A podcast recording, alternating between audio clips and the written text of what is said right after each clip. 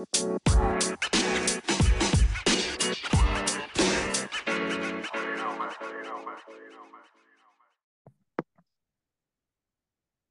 og velkommen til en ny luke i adventskalenderen til Norsk Bonde- og Småbrukarlag og Jordbruksbåten. I dag har vi vært så heldige å fått med oss en eh, jeg vet ikke om jeg skal si gammel eh, idrettshelt, men eh, halvgammel idrettshelt, Eldar Rønning. Du Eldar, for dem som ikke kjenner så godt til det, kan du bare si litt om hvem du er sjøl og, og, hva du holder på med nå, og hva du har gjort tidligere i karrieren din? Det kan jeg gjøre, vet du. Eldar Rønning heter jeg. Jeg er fra Skogn i Nord-Trøndelag, men har bodd i Trondheim nå i snart ja, 20 år.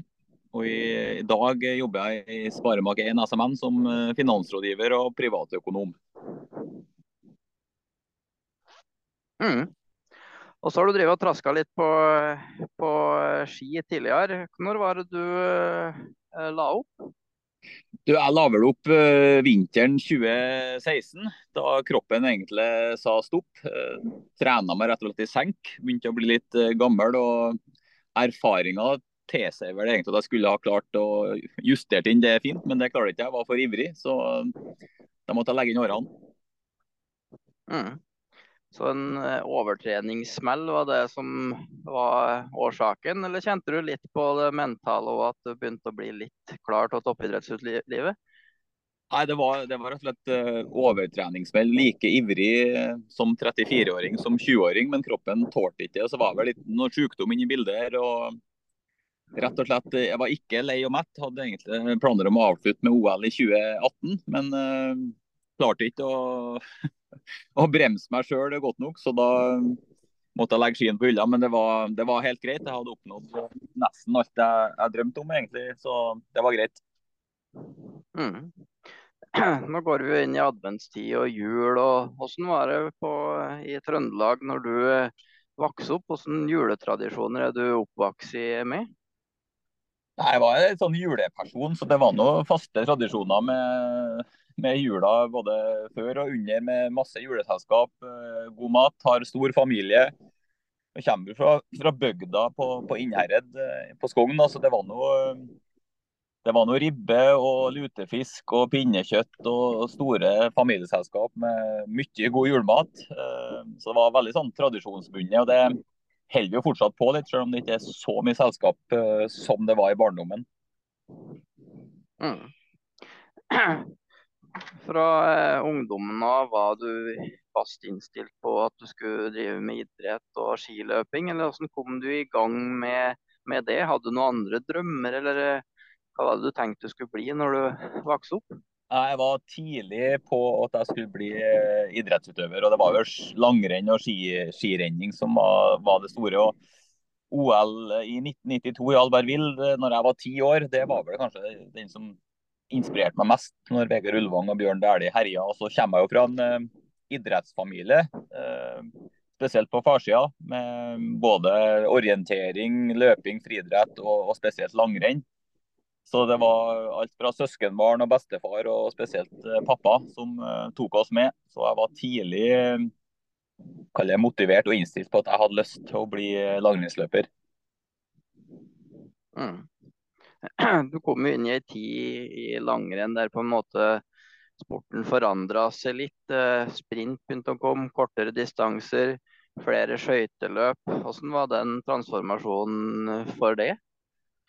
Nei, det var jo kanskje litt heldig, for jeg var, var vel egentlig ganske rask av natur på ski.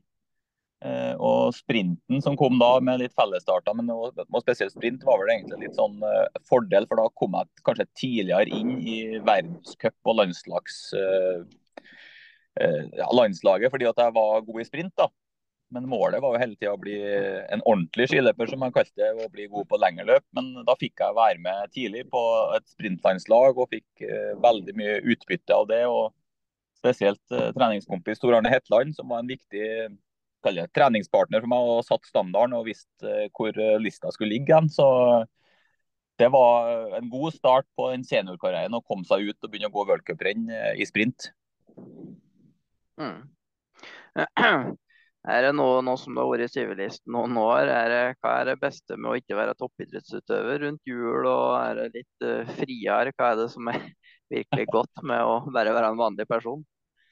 Det beste er at du slipper å tenke på at du må trene eh, to ganger om dagen eh, hele jula. Eh, I forhold til mat og sånn, så det er ikke så stor forskjell. Når jeg var skiløper, så lå vi jo på en 5000-6000 kalorier om dagen, så det var egentlig bare å hive innpå med, med julemat. Men du måtte jo kunne jo ikke drikke noe mye akevitt og alkohol og øl og sånn, så det å slippe å tenke på at du må opp tidlig om morgenen for å komme deg ut på økt, og, og slippe å være egoist. da, Det å ta del av hele jule, juletida uten å, å, tenke på at du må trene eh, hver dag, det er noe ganske behagelig i forhold til hvordan det var da.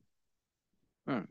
Du er inne på det med mat og ernæring. Hvor, hvor, viktig del var det å prestere? Hvilken typisk kosthold har du når du drar rundt på, på verdenscup og trening? Hva er det liksom kaloriinntaket består av? Nei, det er jo helt vanlig norsk uh, mat. Uh, brødskiv, uh, havregrynsgrøt, uh, vanlige middager med grønnsaker, kjøtt og fisk. og Ikke noe hokus pokus, men du måtte jo ete ganske mye mengder. da, for det, noe, det å prestere består jo egentlig av tre ting. Det er trening, det er kosthold og det er søvn. Så nok bensin. og Da var det vanlig norsk mat. ikke noe annet enn det, egentlig. så et vanlig norsk kosthold eh, er mer enn nok eh, god nok bensin for å, å trene og være eh, langrennsløper på toppnivå. Mm. Og Vi har vel hørt litt om når han har vært idrettsutøver og vært i OL og diverse på andre breddegrader, så er det jo vanlig å ta med litt norsk mat og norsk kosthold inn der, for å ikke få det her variasjonene og kanskje få til seg noen ikke. Det er vel kanskje frykten å få til seg noen ikke skal ha til seg. Ja, det er jo litt sånn hva du er vant med, hva kroppen er vant med å, å trene og konkurrere på. Så Spesielt eh, norsk brød. Eh, vi i Norge, både, både, frokost og matpakke, er jo litt annerledes enn når du kommer i, i utlandet der det er mye fint brød.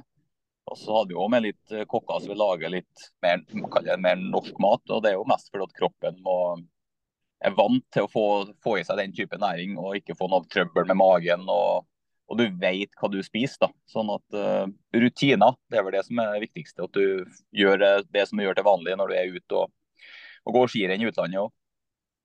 Mm. Eh, ski er jo, er jo, en del av nordiske grener, og det ligger jo litt i kulturen vår. Og, og vi har jo mye gamle skogsarbeidere og bygdefolk som har vært skiløpere. Men begynner å bli en litt sånn ukultur i langrenn nå. Utstyr er veldig viktig, smøring har utrolig mye å si.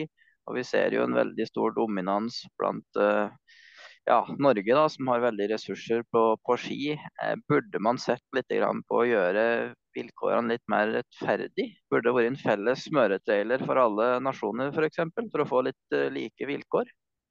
Ja, det, det kan jo være en god idé, det for så vidt. Men uh, jeg var enig i det at langrenn har blitt veldig utstyrsprega og en dyr idrett. Eh, veldig forskjell fra når jeg var 20 år til ja, når jeg er om 20 år fram i tid. Men samtidig så er en del av, av, kulturen med å gå på ski og langrenn det er jo det med smøring og at du må ta vare på utstyr. og ha så En del av sjarmen er jo det å faktisk å, å, lykkes med å få til gode ski. og Det er jo et samarbeid mellom både smører og, og løper. men eh, ressursene er jo litt skjevfordelt. sånn at vi i Norge har en bestandig hadde et fortrinn med gode norske smørere og et godt smøreteam. så jeg tror det de er litt inne på nå med fluorforbud og kanskje se litt på eh, hvordan man skal organisere det. Men da tar du litt vekk eh, den eh, biten som er en del av det å gå på ski og, og smøre skien og, og, konkurrere litt på den, den måten. Også.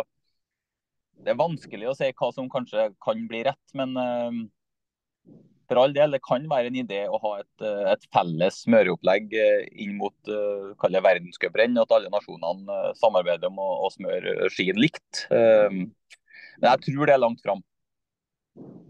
Mm.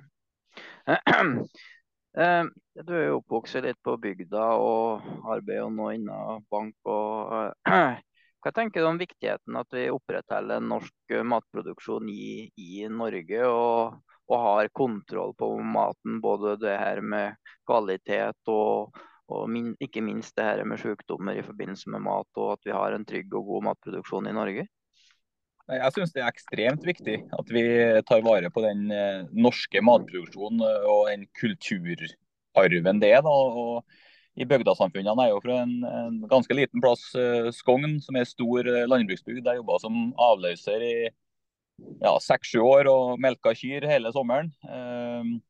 Og så er det litt sånn at eh, Vi i Norge har jo Det er jo langt mot nord, og det er ikke så Vi, vi kan ikke ete gras.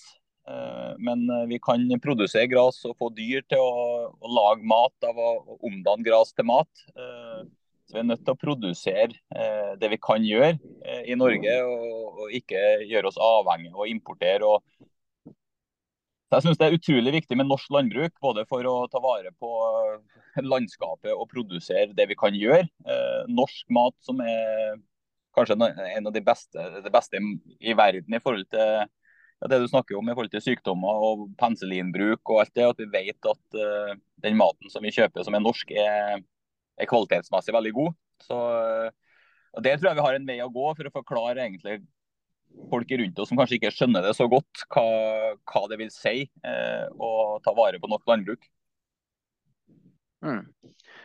Det syns jeg var veldig gode avsluttende ord for den saken som vi kjemper litt for, da, som er nettopp det her med selvforsyning og levende bygder og et levedyktig norsk landbruk. Så det sier vi tusen hjertelig takk for at, uh, at du poengterte så tydelig. Og så ønsker vi deg god jul videre. Takk for det. God jul til dere òg. Hei, hei.